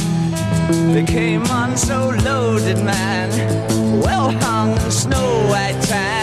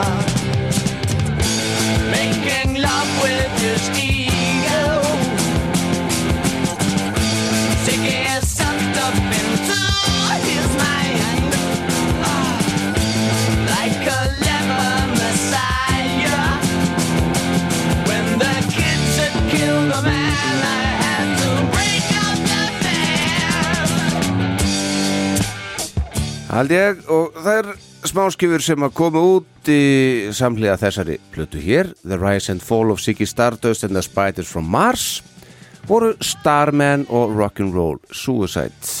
Og held ég, að held ég. Takk David Bowie fyrir mig. Takk fyrir allt. Herðu, jæja, eh, Jón Agnar þá ert þú með þitt næst síðasta Já, ekki satt? Ég ætla að halda mig í nýjunni. Mhm. En árið 1994 er svona aðeins farið að fjara undan rock bombunni sem engjandi fyrsta hluta nýjunar Mhm. og eins og við komum nú inn á örgla í hérna inn í þættinum okkar stöf sem hefði mátt þú veist, fá meiri frama í nýjunni og þar sem þetta gott Já, já, ég held ég veikt tíðan allan áður í, í þessari þáttaröð okkar komið inn á það. Platan Super Unknown með Soundgarden svona bara breytti dálítið umhverfinu því hún er svo óbóðslega fjölbreytileg. Hún er með alls konar sækadelíu og hún er með eyðimerkur rocki hún er ekki bara grönnsplata, hún er allt annað. Allavega, svo gerist það þegar líður á árið að það kemur út plata með mjög feimnu dúói frá borginni, Hafnarborginni Bristol í Englandi. Sem heitir mér eftir smábænum sem þau eru frá í útíðar í Bristol Portishead. Er það bærin sem þau eru frá? Já, hann Já, bara heitir já. það. Þessna var mjög hérna kostnaðasamt fyrir, fyrir þetta litla bæjarfélag að öllum skiltum sem stóð á Portishead var stólið þú veist Portishead 5 miles stólið öllu, þetta var rosalegt vesen. Fólk kom bara í eitthvað skona pílagrimsferðir til þess að Ah, stela Portishead Já. skiltum hægri, vinstri og láið þeim hver Þetta er örugglega ennþá. Já, byttu fyrir, ég myndi stela skilt ef ég, þegar ég kem þangað sko, ég bara lofa því já, já en ég, þér. man sko, þú veist, ég var búin að vera á kafi ymmit að því bara annað var ekki hægt í harðarokkinu að því snemma í nýjunni bara var svo, svo mikill góðsend tími Mhm. í hörðu rokki en svo fer maður svona aðeins að, að horfa í kringum sig, þú veist, og þessi plata kemur bara út uh, síðla árs 94 og bara breytir leiknum. Gjörsamlega nýstárlegt sand sem er eitthvað skonar bræðingur af hip-hop töktum uh, með sko skratsi og lúpum og öllum þeim fílingi eitthvað skonar þungur, mjög, mjög þungur jazz, kvikmyndatónlist ofbóðslega mikið andrúmsloft í þessu öllu saman sjúklega eitthvað neginn ómótstæðileg stemming algjörlega ómótstæðileg söngurödd Beth Gibbons söngkonu. Allt við þetta er ómótstæðilegt. Og það er svo fyndið til þess að hugsa þau hafa náttúrulega sagt þetta margoft Jeff Barrow og, og Beth Gibbons í viðtölum. Á dauða okkar áttum við von áður en að þetta myndi veki einhverja almenna aðtegli við upplöfum okkur sem algjöra jaðar stærð sem myndi kannski selja þúsund endur, tíu þúsund endök eitthvað en það fór náttúrulega heldur annan veg Mhm. og heimurinn fjall bara í stafi nánast Mhm.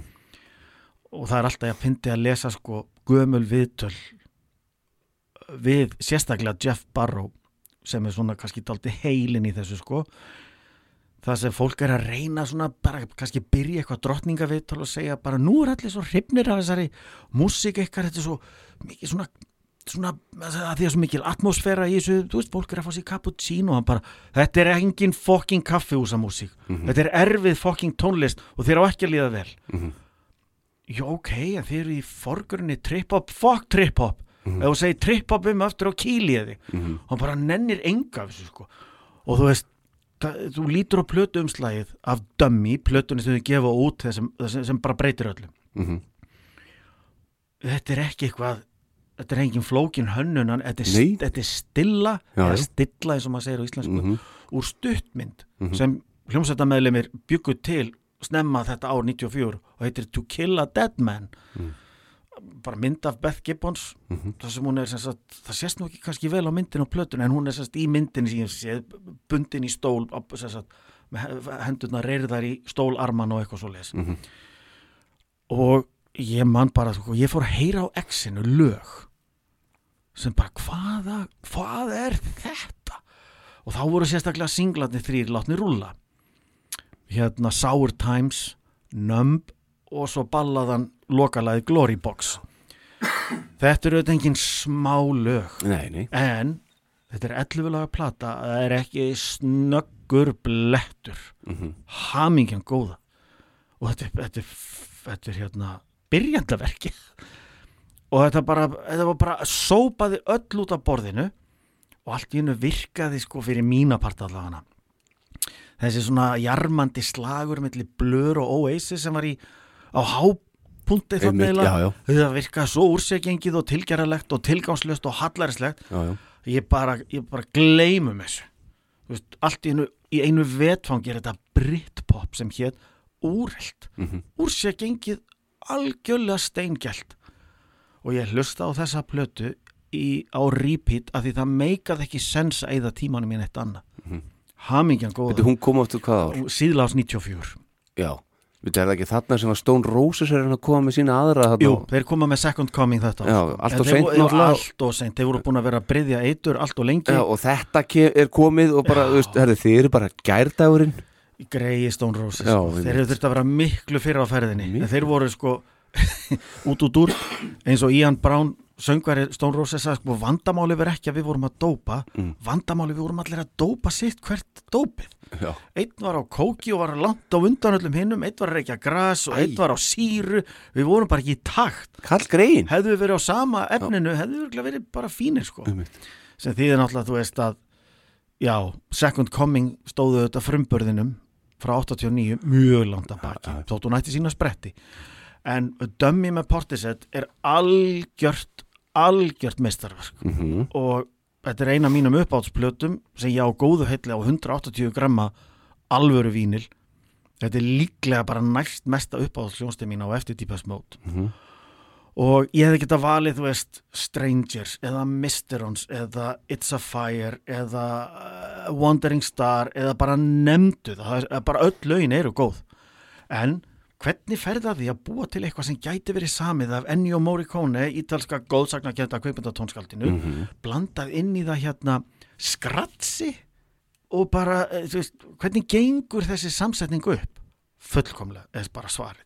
Og lagi Pedestal, já, ég endur tekið ekki að valið svo mörg lög, en ég held að þetta hafi svona sjónarmönin fram yfir hinn í uppáldi hjá mér.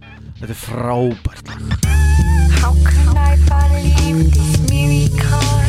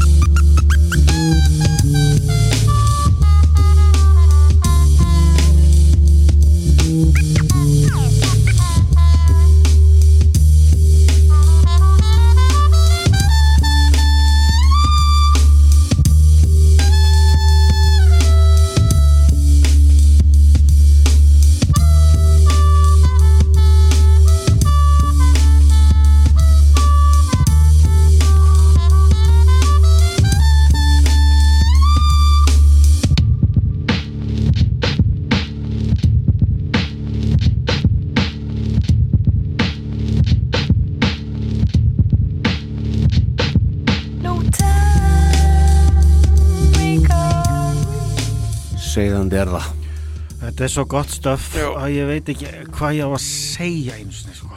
Kemur þetta eitthvað sól og bara svona eins og frá bara 1950 Já, já, bara trompet með dós Já, akkurat. Það hlýtur að vera frábær hugmyndin í þetta Já. Já, reyndar Einmitt. Og þetta bara gengur allt svo vel upp Og skemmtileg þessi pæli sem við talum hann fyrir lagi þarna með Ennio Marcone líka Þetta er svona emitt Þetta er bara lóðbeint úr hefð 60s og early 70s kveipmyndatónlist Já, og það má nefna argentínska snillingin Lalo Schifrin sem bjóti músíkina við Bullet Já, og fleiri og fleiri og fleiri sko. hann er mikill áhrifavaldur Jeff Barrow Mhm. í Portishead. En sko einmitt, hverjum dettur í huga búa til þennan koktel Mhm. nema hvað svo gerir það ykkur og þá hugsa allir fuck, af hverju er ekki eitthvað búin að já þessari snill emitt, akkurat að þetta er fullkomið efni. Þessi plata er all, hún er bara fullkomin. Hún er það. Hún er gjörsamlega geggjuð. Herðu, höldum áfram. Ég ætla að koma með mitt síðasta. Já, Svo endur við þetta á þér. Spenntur er ég. Uh, Við förum svona Við krossum allansafið svona. Mm Hægri vinstri eins og sagt er. Já, gaman því. Og uh, við ætlum að fara núna til Boston. Já, Yes. Og við erum að tala um Pixies vel til fundið. Og ég veit til þess að því að ég sló nú inn það sem þú komst með hérna að borðinu þegar áður við byrjum að taka upp hérna mm -hmm. að þú komst með Pixies líka. Þetta er eitt af því sem að skaraðist í okkur. Vildi svo til, þá sjaldan. Akkurat, en ekki sama lag.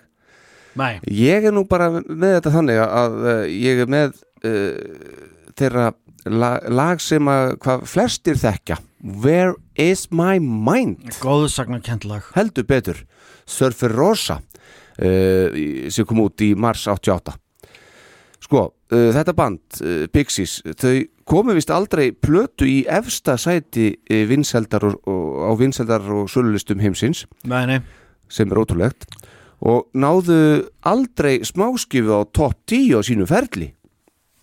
Það hugsaður, enginn er spámar í sínu föðurlandi eins og þar stendur. Ein mitt og reyndar flögu vinseldir þeirra herra í Evrópu en í bandaríkjunum svona hjá almónum en bandið hefur samt haft ótrúleg áhrif á fjöldan allan af öðrum tónlistamönnum og hljónsutum og má þar nefna menn eins og Kurt Cobain og svo Tom York frá uh, úr uh, Radiohead Þá var David Bowie títnefndur mikill aðdáðandi sveitarinnar allt til dauða dags og ég myndi að hann kom fram í heimildamind um þau og eitthvað svona sem að vara sagt, tala um dálæti sitt á þessu bandi.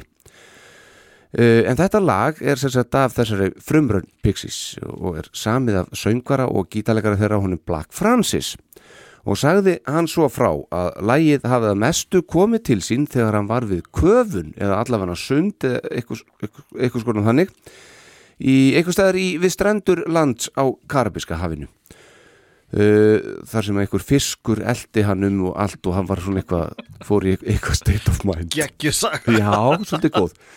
Uh, Þau sem sé samt veðjuð á uh, Gigantic sem smáskifu sem er reyndar frábært lag líka. Gigantic er frábært og hérna það er til dæmis Cobain sem segir að hérna hann var svona að reyna að endur gera það lag þegar hann var að semja smælslag Teen Spirit sem dæmi. Og ef þú hlustar á það Á, meikar alveg Ég sens skil þetta algjörlega. Já. Og, að því að hann hafði svona mikið áhrif á þau sko eftir að svo, eh, þeir gáfu út uh, Nevermind og þeir fóru að gera uh, næstu plötu inn og Terum þá vildi hann einmitt fá bara Steve Albini sem að pródusera þessa plötu með Pixies Akkurat. til þess að taka næstu plötu með þeim af því að hann var svo agalega hrifin af þessar plötu. Sens þessu bandi. En Where is my mind náðu auðvitað alveg aðtegli á sínum tíma og er orðið, lægið orðið algjör klassik í dag. Rolling Stone tímaritið eh, var meðal annars með það árið 2021 í sæti 493 á lista sínum yfir 500 bestu lög allra tíma, takk fyrir en læginu skaut svo aftur upp kollinum árið 1999 Sætla minningamæður einmitt þegar að David Fincher notaði það b- þegar, já, þegar í, hérna, loka atriðinu á Fight Club. Ótrúlega áhrifaríkt og velvalið lag. Já, en var það ekki bara yfir allt atriði, var ekki allt lægið bara allan að megni að því? Jú, nánast og bara einhvern veginn að því það meika svo ríka þetta er svo velvalið lag já, fyrir lokaðatrið einmitt. að það er ekkert skrítið að það hafi átt svona endur komið moment. Já, dálítið eins og Running Up That Hill með Kate Bush í Stranger Things. Já ég meina þetta er þannig sko. Og, nú- og sko Master of Puppets við Metallica í sömu þáttaröðu sko. Já. núna er alltaf við dótti mín hvað það er. Veistu hann kom það, á ég í ætla að- bílum og hún bara, herðu, þetta er í Stranger Things. Ég bara, ég veit það. Veistu það, ég sko, stundum ertu að hlusta á eitthvað í bílnum? Þá ert einn út að fara í búið að hlusta á þetta. Já, og svo er það ennþá einhvern veginn að því bílinn tengið sér við síman þegar þú skutla dóttuðinni Akkurat. 16 ára til Kæró og hún daginn þá förum við af stað ég ræsi bílinn og ég er að skutlinni hérna á, rétt á milli postnumera til Kæró og þá kemur lagið Closer með Nine Inch Nails já. sem er nú með texta sem kannski ekki við batnafæri sko, við batnahæfi og hún bara, já, þetta er geðveikt lag og ég líti á hana, hefur þú heyrt þennan óskapna? Hvar? Það var á TikTok einmitt það gladdi mig samt að heyra Mm. að hún heyrði Closer sem er enda stórkostlegt lag Já. af henni stórkostlu plötuðu Downward Spiral frá hennu góða, öðru góða ári 94 Já. ég sagði, hefur eitthvað gefið þig að textanum í viðlæðinu með, ég tölum ekki við það. Nei, já, já. En næsta einmitt- mál. Já, við við, þetta er pínu þannig, pínu næsta mál sko. En það gleður maður þegar börnum maður eru svona gefa sig, gefa sig að góðri músík. Já, og eins og þarna, þá bara fyrir vikið þá náði einmitt bara Pixies í bara nýja aðdándur Ekki spurning. Herðu, hérna er bara katalókur síðan eftir að skanna bara, hérna, skilur eins og þetta gerist. Og drottið með þýlíku katalógum maður. Einmitt. En uh, sko, það mætti segja að svona allafana eftir að higgja hefði minnst að Where is my mind hefði vel plumma sig sem smáskifa. Ég verði að viðkjanna að ef einhver hefði spurt mig já, ég hefði haldið þetta hlita að vera smáskífa já, Ég verði bara að segja það. Já það er engin sérstök ástæði fyrir því en bara þetta var það ekki. En þrátt fyrir þetta þá hefur þetta ótrúlega lag öðlast sitt eigið líf og heldur eiginlega bara áfram að stækka og það mun lifa okkur báða og fleiri til skal við Þetta segja er þér. bara algjör óumdeild klassík. Já, heyrum hana í Kim Deal líka með sína fallegu rödd þarna með uh, hérna bakgrætinar Til í það hvena sem er. Já, er það ekki. Stop.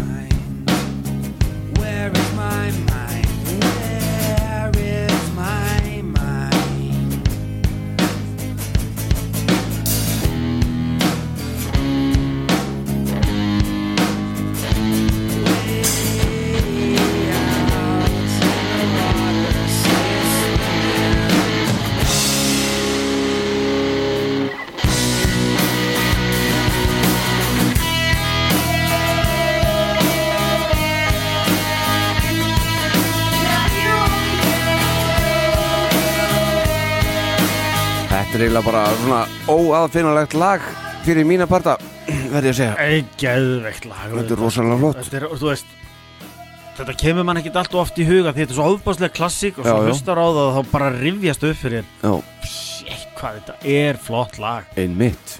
og er þó að nógu að taka eins og við sögum á hann í katalóg þessa frábæra bands. Já, En ég ítrekka, ég hefði ekki hugmyndum að þetta veri ekki singull einmitt. ég hefði bara, ég hefði lagt pening undir að fyrirfram sko, Já, en núna. ætli það en ég menna magnalag og eins og segir smáskifa eða ekki Já. sess þessa lags auðvitað bara í sögunni tryggður Já, og það er bara þannig sko heldur betur. ójá, Herðu, jæja, drengur minn, áður við förum kannski í svona lokin. Þú varst með annað líka þarna frá með sama bandi. með Pixies Já, já, við vorum sem sé að slá saman hann þú veist með Zeppelin og svo með Pixies mhm. sama og More. já, sama platan með Zeppelin, Mhm. fjarkin en ekki svo sama með Pixies Nei. Ég var sem sé að velta fyrir mér eh, hinnu stutta eins og heila öll, ekki öll, en mjög mörg lögin á plötunni Bossa Nova frá 1990. Við erum mjög mörg í stittri kantunni þar. Þar á meðal hið óskaplega fallega Anna. Mhm. Þar sem svona daldi kristallast fílingurinn sem Pixies eru í á þeirri plötu. Það komið svona aðeins einhvað að segja finn pússari hljómur mm ekki alveg að prár það komin smá þau eru aðeins að svona vaks úr grassi og það er svona dálitill surfrock hljómur á hlutunum. Og þetta lag einhvern veginn fangar þá þann fíling alveg fullkomlega. Textin fjalla líka um þú veist þessi segja meðlans hérna ride a wave og þar fram til göð það er svona eitthvað skonar mm, öldu tengdur sjávar tengdur fílingur í textanum Já, öllu. og lagið er svo flott Mhm. þetta er bara örstu ég held að sé Viltu, viltu heyra uh, brota úr- því eða hvað? já, okkur gefum við ekki tóndæmi Jú, við getum gert það, maður sjá, nú er inni mér, maður sjá, hér er þú. já, Anna með Pixies Já. af Bossa Nova Já, heyrum er við bara rétt rúma tvæ mínútur og óskaplega fallet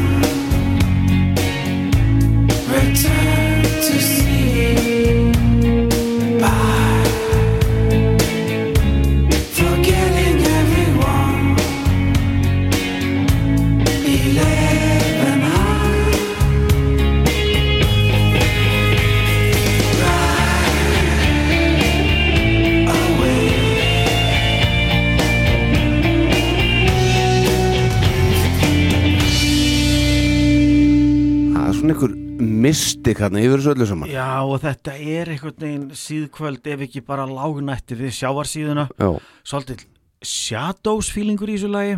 Já, já, þeirri- jú, já, já, heldur betur. bassaleikurinn er handeraðu daldi með svipuðum hætti Mhm. og uh, mm, nei, ég hef þetta ekki. Ég ætla að slá um og rifja upp hvað bassalekarinn í Shadows hétt vá Ég, ég, veit þetta bara hvað hérna Hank Marvin heitir, gítarleikarinn gítarleikurinn er með svipum hætti. Já, já, minn sín rauða gítar. Já, hann, hann hafði eftirnafnið Mihan. En ég man ekki, ég get ekki ég get ekki hérna ég get ekki slegið með meir en það. Nei, þetta var bara, þetta var góðu slátturindar sko, ég eh, vissi þetta ekki sko. Nei. Ég vissi bara Hank Marvin. Já, Herðu, jæja, Jón, Yes. yes. árum við ljúkum þessu alfarið. Já Þessum þætti allt svo. Þessum þætti allt svo. Þá hérna, hvernig, og við vorum bara lítið yðgæðir Hvefið aðeins að bögga mig í þessu En, en ekki þetta að, það slapp. hafi, ekki að það hafi, hafi komið að sög Ekki þannig sko. Mér bara finnst málbeinin skikkanlega smurð. Já, eftir, eftir frábært sumafrí Já, einmitt. Já, Og við erum búin að stilla upp þú altså já. Þú ert búin að stilla upp hann hvað Það eru aðri sex þættir. Já, einmitt. Með tvo til vara. Já, einmitt, ef vel fer Ef að vel fer sko. Þannig að við erum, við erum hverginari hættir Nei, af nógu að taka og hvernig erum við að taka næsta? Eh, Láta mánu líða eða kannski innan við það? Nei, ég held að fólki heimti þetta fyrr sko. Já, einmitt, múrin Múrin heimta meira Akkurat Við sjáum hvað setur Já. Já, já, já En hvað ertu með í lokin? Ég er með í lokin lag Mhm. sem var ekki smáskifulag en stórkostleg tónsmíð og þetta er þetta var ekki einu sinni á breyðskifin Árið 1995 gefa bræðurnir Paul og Phil Hartnell sem starfa alla jafna undir merkjum Orbital og er eitt svona frægasti raftónlistar duetti eða raftónlistar sveit Breitland segja byrjuðu snemmi í nýjunni fóru af stað sem svona kannski daldi reifband en svo fóru þeir í floknari músík með hálgera headphone tónlist getur við sagt. Þeir voru, fóru af dansskólinu og bara inn í Sennheiser heyrnatónlist fjóruða platan þeirra kemur út 1995 og ég man bara þegar ég sá myndband ég sá myndband við lagið The Box á MTV mjög töff myndband uh, það sem uh, svo frábæra enska leikona Tilda Swinton leikur sagt einhverja mannesku í kápu með einhverja svona leður húfu frekar ógæfuleg óbáslega einsemd og svona stórborgar